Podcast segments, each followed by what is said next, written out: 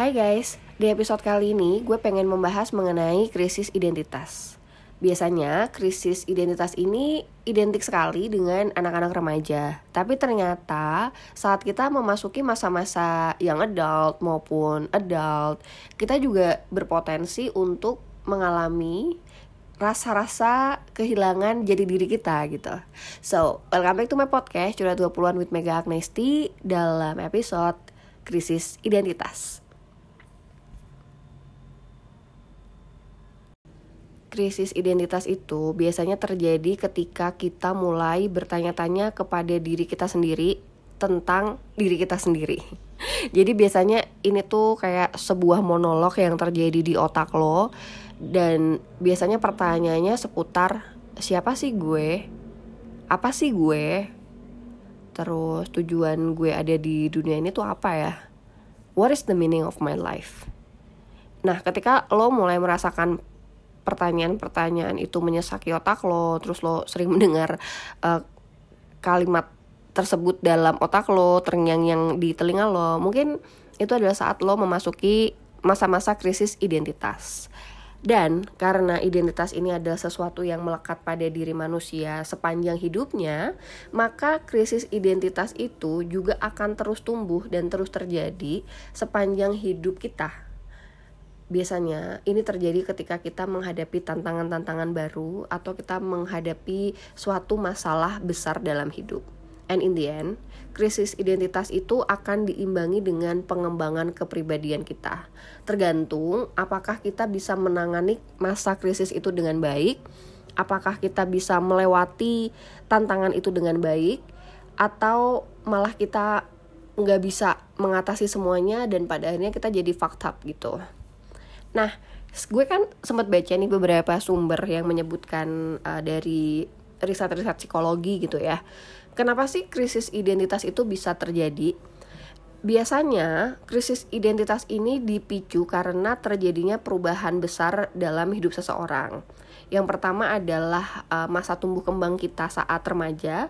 Uh, let's say lo di SMP, SMA pasti adalah masa-masa kita lost gitu kan. Kayak uh, gue tuh siapa ya? Gue mau jadi apa ya suatu saat nanti? Definisi jati diri kita biasanya ditentukan oleh lingkungan kita. Sama siapa kita main terus pada akhirnya geng gue tuh apa? Terus kayak kalau di sekolah tuh gue ekspertis gue tuh apa gitu. Nah, wajar banget ketika anak-anak sekolah merasa melalui masa-masa krisis ini dan yang menentukan who they are adalah their environment, their community. Jadi hati-hati kalau kalian yang masih SMP SMA ngedengerin podcast ini. So it's okay to be lost sometimes, tapi um, at the end of the at the end of the period lo harus discover yourself. Jangan sampai orang lain yang menentukan lo tuh siapa. In the end tetap lo yang harus define who you really are. Nah, penyebab kedua adalah ketika lo memasuki masa-masa berat dalam hidup. Misalnya nih yang pertama adalah kehilangan pekerjaan atau lo lagi mengalami perceraian lo kehilangan orang terdekat lo kayak orang tua uh, pasangan atau siapa pun yang lo bener-bener ngerasa sayang banget sama mereka. Terus mungkin juga lo pindah ke suatu lingkungan baru atau lo mungkin mengalami kejadian yang traumatis atau sakit yang benar-benar membuat lo, harapan hidup lo mungkin lebih kecil gitu kan. Nah, ketika lo mengalami masa-masa sulit ini, maka akan sangat wajar ketika lo merasa kehilangan jati diri lo. Lo pasti akan bertanya, gue siapa? Ini maksudnya apa? Gue harus gimana gitu. Dan it's okay, hang on, hang on there karena lo butuh waktu untuk melalui ini dan yang terpenting lo juga butuh pengetahuan untuk lebih memahami siapa diri lo. Dan penyebab ketiga adalah saat lo menghadapi hal-hal baru dalam hidup. Seperti misalkan nih lo baru menikah, biasanya kayak iya sih ada rasa rasa bahagianya gitu. Cuman you're you're gonna redefine yourself gitu kan. Terus misalnya lo lagi memulai pekerjaan baru yang misalnya sangat berbeda banget sama dunia kuliah lo atau sangat berbeda banget sama pekerjaan-pekerjaan lo sebelumnya. atau udah lalu mulai kerjaan baru di negara baru pula gitu kan jadi pasti lo akan bingung gitu tentang jati diri lo yang sesungguhnya kadang juga ketika lo habis melahirkan lo tuh akan mengalami uh, apa ya krisis identitas kayak gue mau jadi parent yang seperti apa ya? Um, gue punya status baru nih sebagai seorang ayah atau seorang ibu. What should I do? Terus gue apakah akan menjadi orang yang lain gak ya ketika gue melalui fase ini gitu? And it's okay. You're gonna discover yourself. All you need is time. Itu yang gue mention di sebelumnya. Dan yang terakhir biasanya uh, ketika yang menyerang adult gitu ya. Biasanya saat mereka mulai apa ya ditinggalkan oleh beberapa orang. Seperti misalnya anak-anak lo udah mulai kuliah nih kuliahnya di luar kota atau di luar negeri. Maka um, apa ya lo tuh akan ngerasa kosong gitu. Kayak who am I? Gue udah gue siapa gitu. Karena gue pernah nonton ya film guys. Namanya Other Otherhood kalau nggak salah. Jadi si ibu-ibu ini sangat protektif terhadap anak lakinya gitu. Ketika anak lakinya meninggalkan kota tempat tinggal mereka dan starting their new job gitu kan um, si ibu-ibu ini tuh kayak ngerasa kehilangan jati diri dan jadi grumpy jadi posesif banget sama anaknya nggak ditelepon tuh jadi uring-uringan gitu. Terus di akhir film itu kayak um, mereka udah bayan anak sama ibunya dengan meluruskan beberapa hal gitu kan. Terus si anaknya uh, bilang mam I'm okay oh, oke okay, mungkin lo baik-baik aja tapi gue yang nggak baik-baik aja karena selama ini identitas gue adalah seorang ibu gitu. Dan ketika gue udah nggak ada anak di rumah apakah gue masih bisa dipanggil seorang ibu? I need to redefine myself. So yes untuk yang sudah memasuki usia dewasa pun bisa banget mengalami krisis jati diri. Yaitu tadi seperti lo ditinggalin anak lo uh, di kota lain gitu kayak selama ini lo udah menjaga anak lo bertahun-tahun gitu. Ketika semua hal yang lo miliki itu nggak ada lo siapa gitu kan? Apakah Mega seorang ibu? I'm no longer a mom so who am I? Kayak gitu lo guys pertanyaannya. Ini pun bisa terjadi sama orang yang barusan pensiun misalkan. Kayak selama ini misalkan pas pensiun eh pas bekerja dia menjadi seorang guru gitu misalkan kayak bokap gue terus begitu dia udah nggak menyandang status guru bisa jadi loh dia kayak confused who am I? Kalau gue udah bukan guru gue siapa gitu. So krisis ini tuh akan terjadi sepanjang hidup lo. Jadi you better get ready. It's okay untuk merasakan um, kegelisahan-kegelisahan tersebut. Karena walaupun kadang kita merasa takut dengan rasa-rasa yang nggak nyaman ini ya dalam diri kita dalam benak kita gitu. Tapi for some person ketika lo akhirnya bisa menguasai emosi lo menguasai diri lo menguasai otak lo gitu ya um, krisis identitas ini tuh bisa membawa lo untuk rediscovering yourself membawa lo kepada lifetime adventure yang sangat menyenangkan. Dan for some person it could be a spirit a personal spiritual journey karena beberapa orang ketika mereka harus mencari identitasnya banyak juga yang menempuh cara-cara spiritual dan pada akhirnya mereka bisa memiliki spiritual journey yang sangat indah walaupun uh, kadang sangat menakutkan, membingungkan dan meresahkan banget sih di awal-awal. Uh, pertanyaannya adalah apakah gue pernah mengalami ini?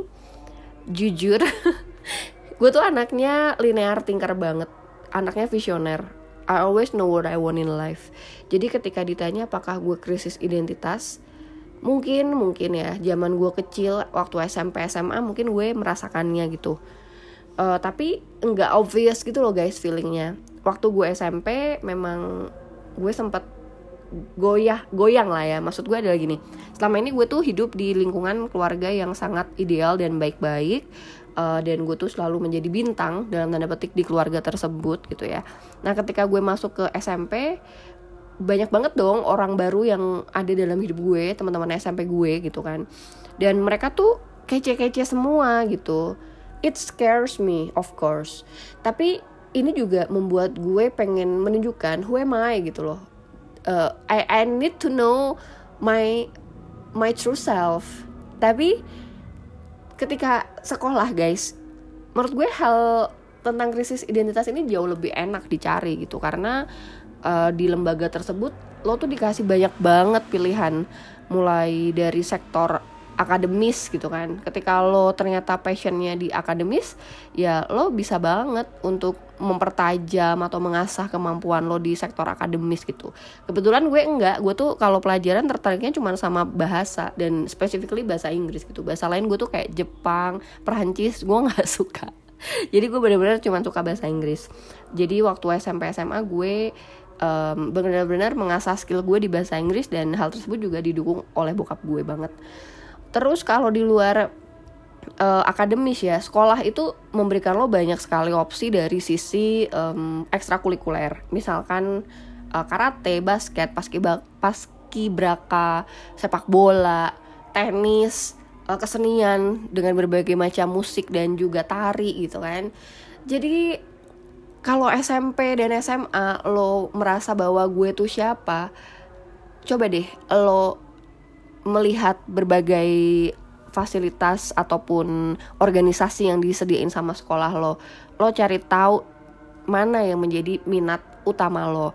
Apakah di keseniannya kesenian apakah di olahraga apakah di organisasi um, yang mengajarkan lo kepemimpinan kayak osis gitu misalkan atau memang lo di akademis. Emang lo tuh tipenya anak olimpiade matematika fisika kimia gitu it's okay kalau pada akhirnya lo dilabeli geek, lo dilabelin nerd, lo dilabelin weirdo.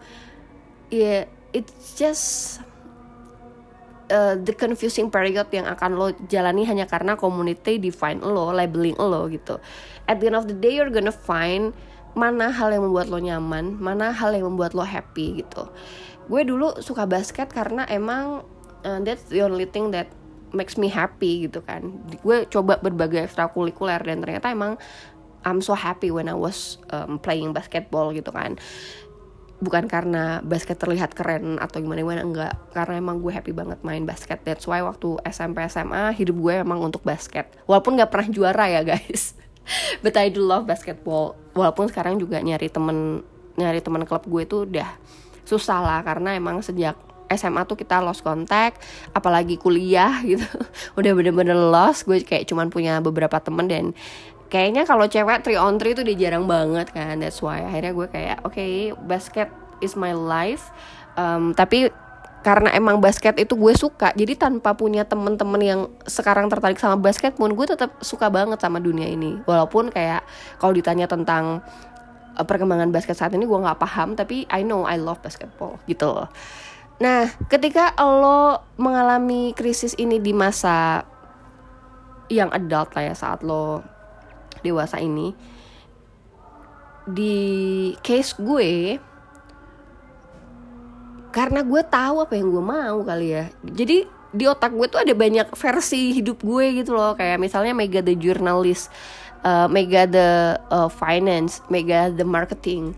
Dan pada akhirnya yang gue pilih adalah Mega the Marketing and I live my life as a marketing. Dan ketika gue udah menentukan satu opsi gue, gue harus live my choice to the fullest gitu kan. That's why buat gue mencari pekerjaan sesuai passion tuh penting banget karena di usia-usia yang adult yang menentukan identitas kita adalah biasanya status pekerjaan kita gitu.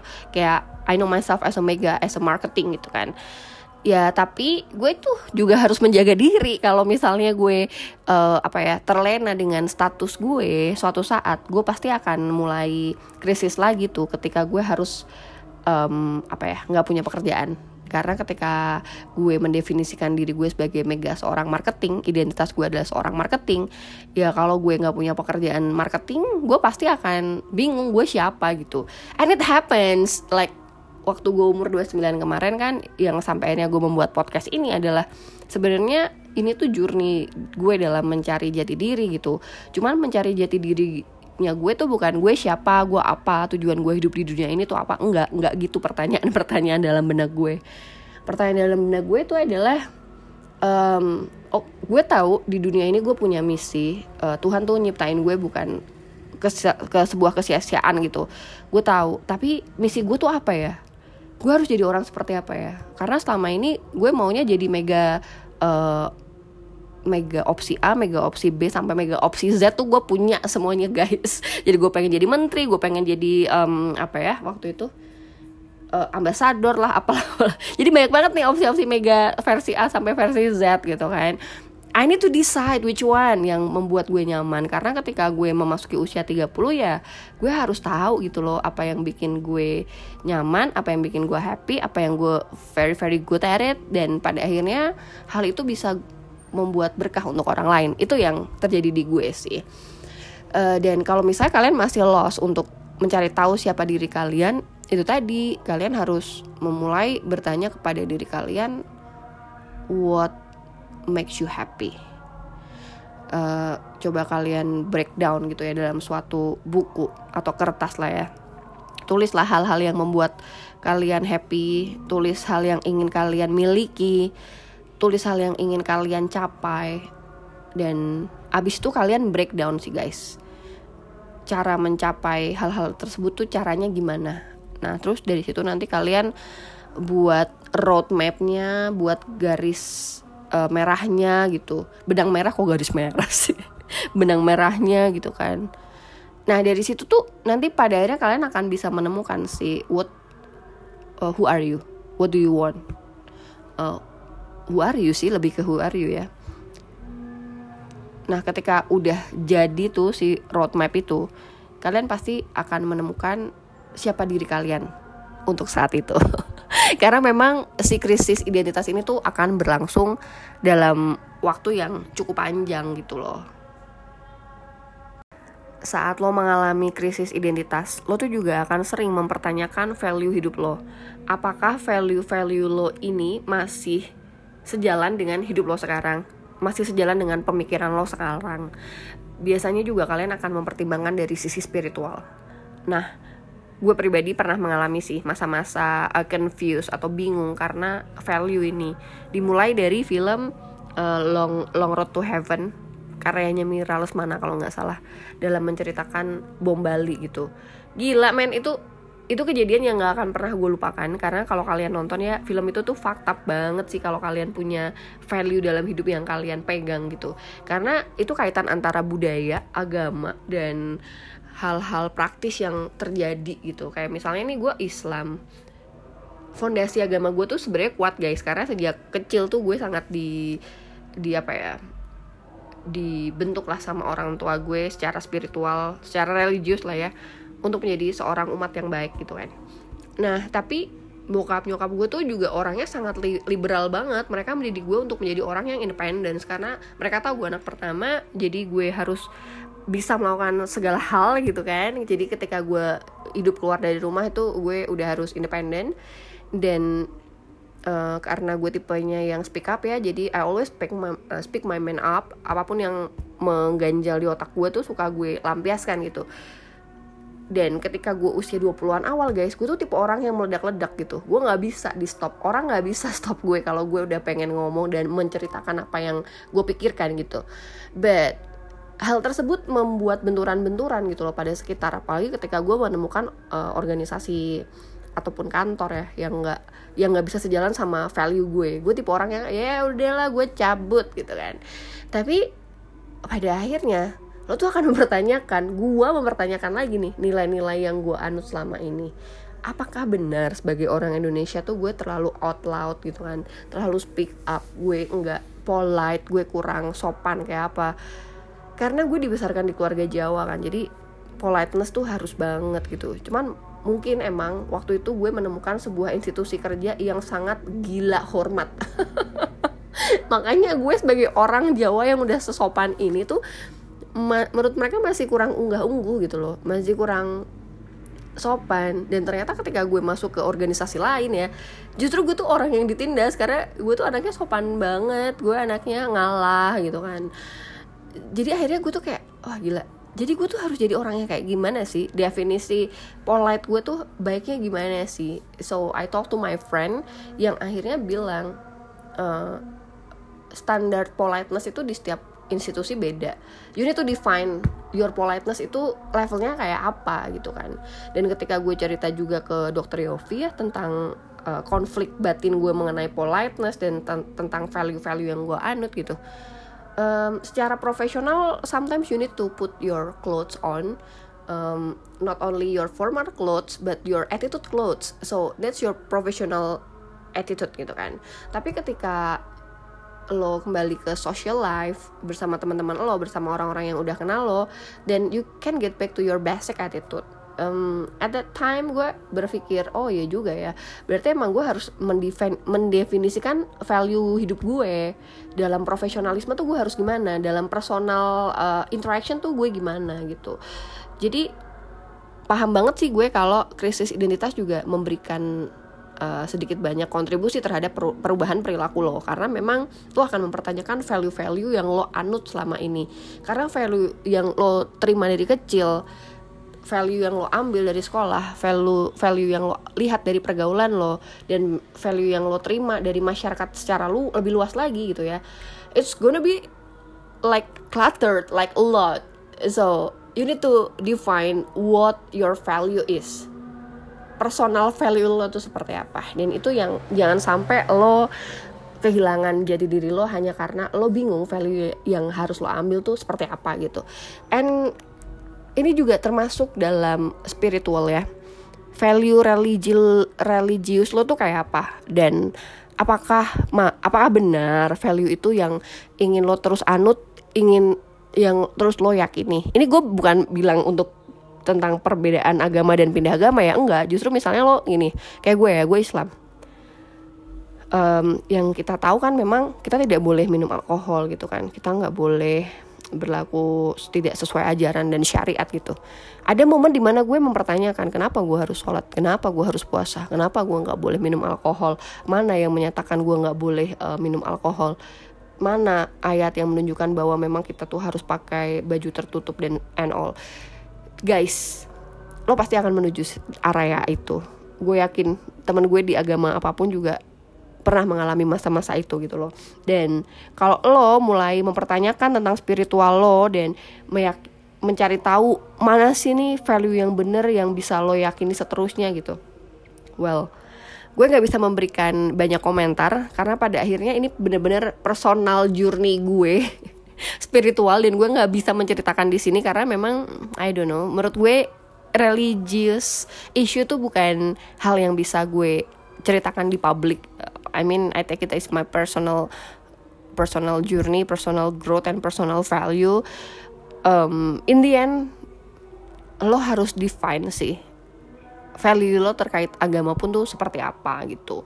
Karena buat gue agama adalah rahmatan lil alamin so everything yang related to my religion should be blessed for everyone nggak cuman buat gue. Jadi apa artinya gue hablum minanas tapi gue nggak punya nggak punya hablum minallah eh kebalik ya apa artinya gue hablum minallah?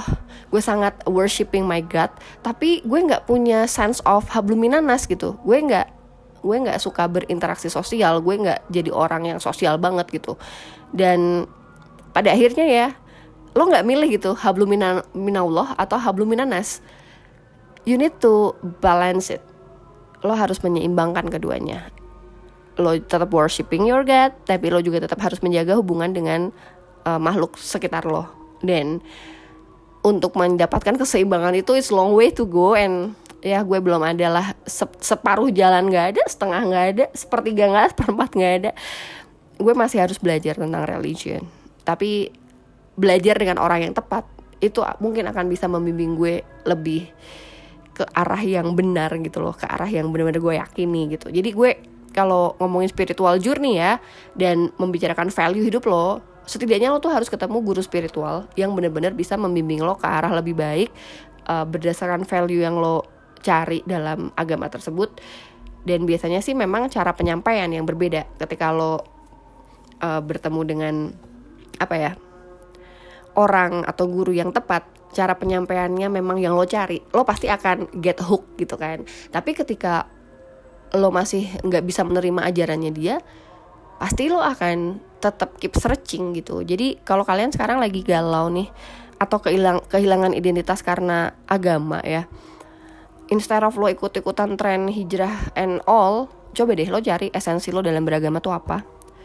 Lo cari orang guru lah ya bener-bener guru ya ustadz gitu ya tapi jangan ustadz abal-abal lo bener-bener cari ustadz yang yang secara ajaran secara tutur kata secara attitude tuh masuk dengan apa yang lo yakini. Nah, barulah di situ lo akan bisa merendahkan kepala, merendahkan hati, mengosongkan uh, segala pengetahuan yang lo punya untuk mau mendengarkan apa yang dia sampaikan. Itu adalah journey yang gue lewati. And I hope ketika kalian krisis identitas karena value agama kalian berbeda dengan apa yang kalian lihat sekarang ini, that's okay, take your time. Uh, you're gonna discover yourself. Tadi gue sempat mention kan ada salah satu alasan yang membuat seseorang mengalami krisis identitas adalah ketika mereka mengalami a hard time atau cobaan berat lah ya dalam hidup. Seperti misalnya kehilangan pekerjaan kemudian ada juga perceraian terus kehilangan orang terdekat yang sangat dicintai atau mengalami kejadian traumatis dan sakit beberapa poin ini kalau misalnya ini penyebab dari krisis identitas yang kalian alami hati-hati guys karena kalian bisa sangat um, potensial mengalami yang namanya depresi tanda-tandanya ketika kondisi ini membuat kalian depresi adalah kalian tuh mulai merasa putus asa dan tidak berharga. Tadinya kalian juga seneng kan, aktif gitu. Tiba-tiba kalian nanti akan merasa kehilangan minat untuk melakukan hal-hal yang tadinya emang kalian suka. Kalian juga akan gampang lelah uh, dan paling sering tuh akan grumpy. Ini gue mengalami fase grumpy juga sih atau uring-uringan. Terus kalian tuh jadi nggak nafsu makan gitu. Ada yang jadi males makan. Tapi ada juga yang sebaliknya nih. Jadi kalian tuh suka makan banget. Tiba-tiba nafsu makan kalian gede. Setiap saat kalian pengen ngunyah. Ini juga hati-hati karena ternyata terlalu banyak makan itu juga ada kaitannya sama mental health issue guys. Dan yang terakhir adalah sulit konsentrasi. Ini gue ini gue mengalami banget sih kalau sulit konsentrasi karena tapi bukan menjadi depresi ya kalau gue sulit kon uh, konsentrasi karena gue anxious gitu. Anxious. Anxiety gitu mengalami anxiety itu gue pasti akan sangat sulit berkonsentrasi karena itu tadi guys pikiran gue tuh kebiasa bercabang-cabang-cabang gitu. Cuman sayangnya untuk menyatukan kembali pikiran gue I need more time. Kembali lagi ya ke topik tentang depresi. Yes ketika kalian tadi krisis identitas dan mengalami tanda-tanda yang gue sebutin uh, ini bisa potensial banget untuk memicu depresi. Seperti misalnya nih orang-orang yang saat ini kehilangan pekerjaan dan pasti demotivated lah. Cuman gimana ya? Gue udah pernah berada di bawah dalam hidup ini. Gue udah pernah ngerasain posisi di bawah. Gue pernah pindah sekolah, mengalami masa-masa yang hard time banget saat SMA lah ya. Kemudian gue juga pernah mengalami kehilangan pekerjaan dua kali. Jangan sedih. tapi ketika gue udah melewati hal-hal buruk itu ya pada akhirnya mental gue tuh jauh lebih kuat gitu nah kalau kalian saat ini baru pertama kali kehilangan pekerjaan dan kalian jadi putus asa oh come on wake up ya mungkin nggak bisa segampang gue ngomong sekarang ya kayak wake up man kayak cari aja kerjaan baru enggak nggak bisa cepat itu emang gue tahu cuman buat kalian yang saat ini kehilangan pekerjaan um, kalian tuh cuman punya dua opsi. Kalian mau menyerah terus goodbye aja gitu atau kalian mau bangkit dan cari lagi.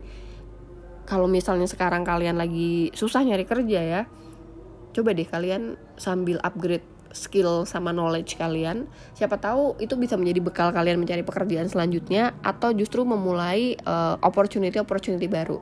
Apakah jadi freelance atau apakah uh, bikin usaha sendiri gitu kan jadi do not give up on yourself karena lo cuma punya dua opsi nyerah dan udahan atau lo juga bisa bangkit berdiri dan maju lagi. Nah kalau perceraian kadang iya sih gimana ya? Perceraian tuh berat banget sih guys apalagi buat orang yang disakiti gitu. Pasti it will affecting of uh, your life lah. Affecting affecting a lot of things in your life. Um, karena gue belum pernah mengalami itu ya. Jadi gue nggak bisa komen banyak but the thing is lo tuh hidup di dunia ini nggak sendiri guys. Masih banyak orang-orang yang bisa lo reach out. Kalau tadinya lo ngerasa sendiri hidup sendiri apa apa nangis coba deh cari bantuan gitu ke orang-orang sekitar lo. Lo bisa cari teman lo untuk ngobrol cari keluarga lo untuk cerita uh, cari psikolog untuk lo curhatin gitu. Jangan pernah ngerasa lo sendirian di dunia ini. And you know what? Ketika lo merasa sendirian lo merasa nggak punya siapa-siapa coba lo datang ke panti asuhan atau panti jompo and lo voluntary work di sana lo tuh pasti akan ngerasa lebih kaya lagi. Karena when you help others sebenarnya lo lagi help yourself gitu. Jadi if you ever feel lonely coba deh cari orang yang bisa lo reach out either lo minta bantuan ke mereka atau lo membantu mereka. Dan untuk orang-orang yang ditinggal sama orang yang dicintai luka batinnya tuh bisa lebih lama pemulihannya juga lebih lama.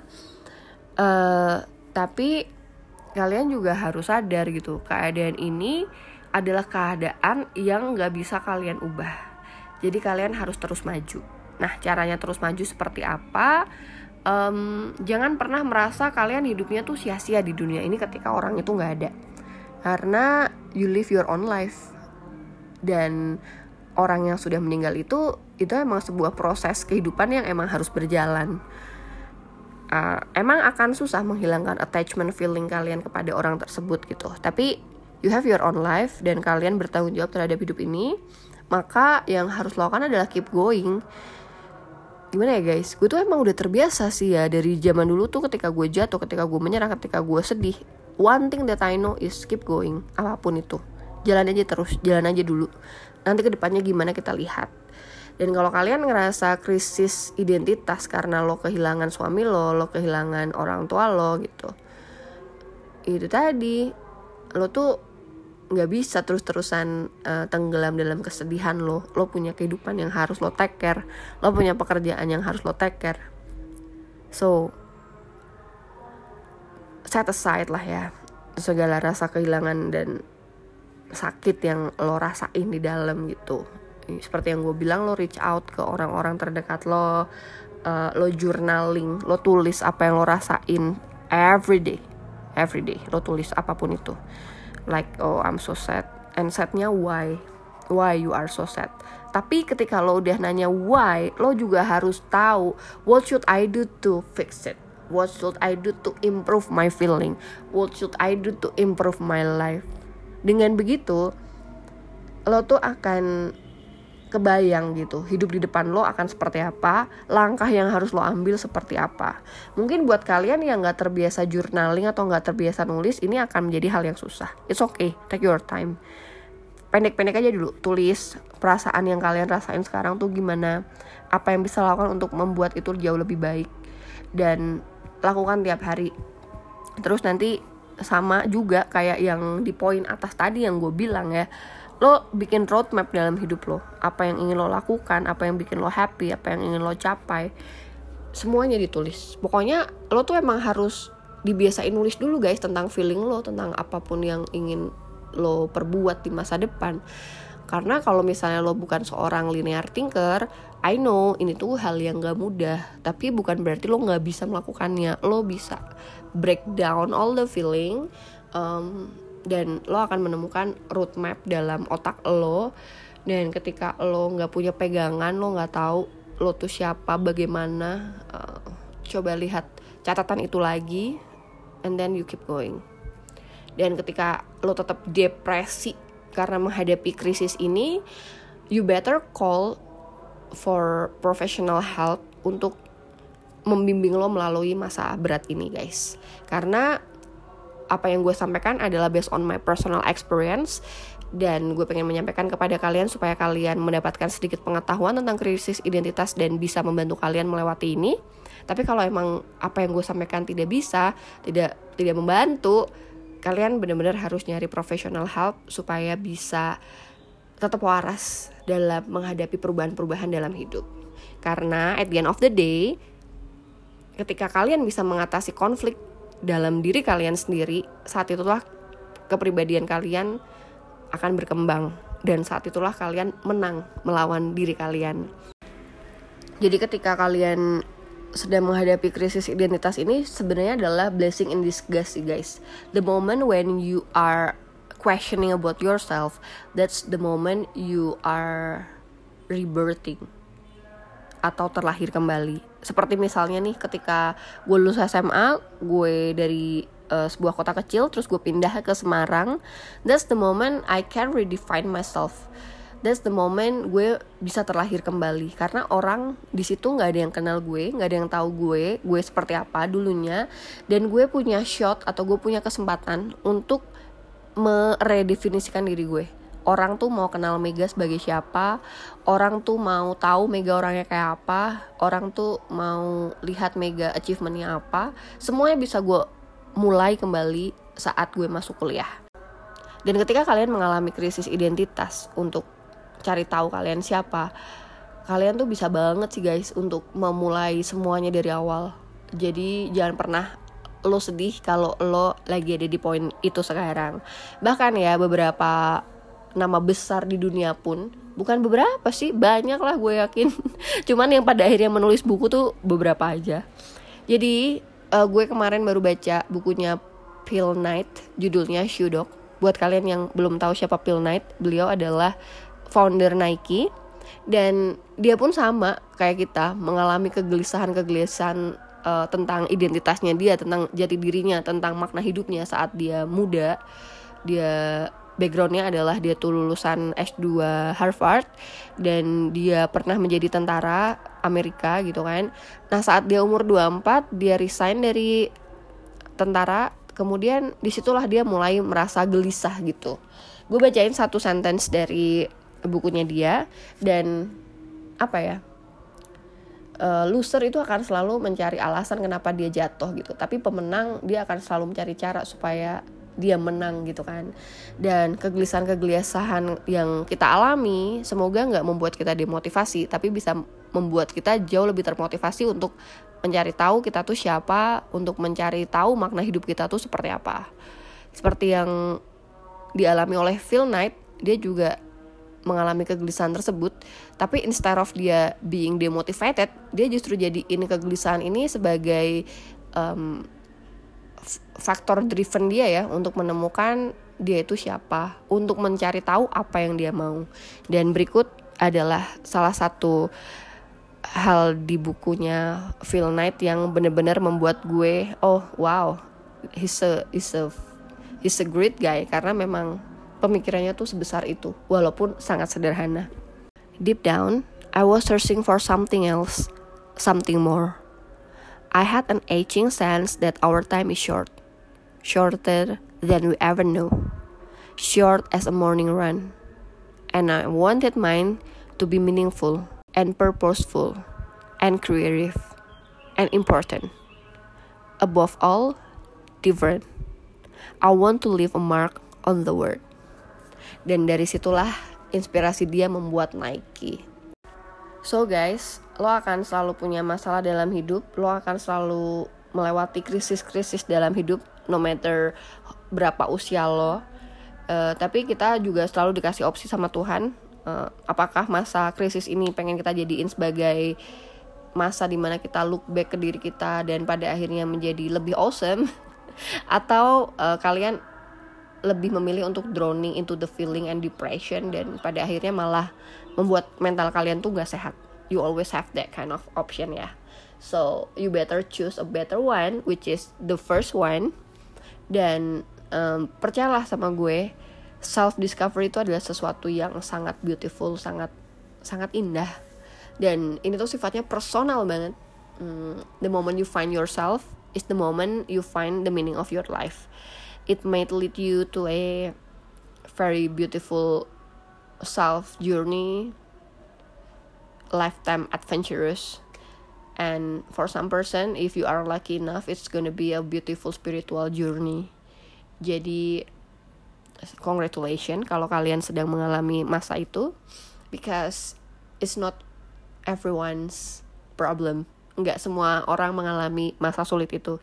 Dan ketika kalian dikasih cobaan masa sulit itu um, take your time control yourself control your feeling discover yourself discover um, what your capability is um, improve your capacity improve your improve your apa ya skill and knowledge and maybe uh, try to discover your strength your passion your desire in life and see how it goes. Bikin roadmapnya uh, dan semoga roadmap itu bisa lo jadiin pedoman so anytime lo confused lo bisa look back di roadmap itu dan kalian bisa kepikiran lagi pengen jadi apa kalian kelak dan seperti apa makna hidup yang pengen kalian miliki. Thank you so much for listening to this this episode dan semoga membantu kalian yang sedang tersesat di jalan. Goodbye guys.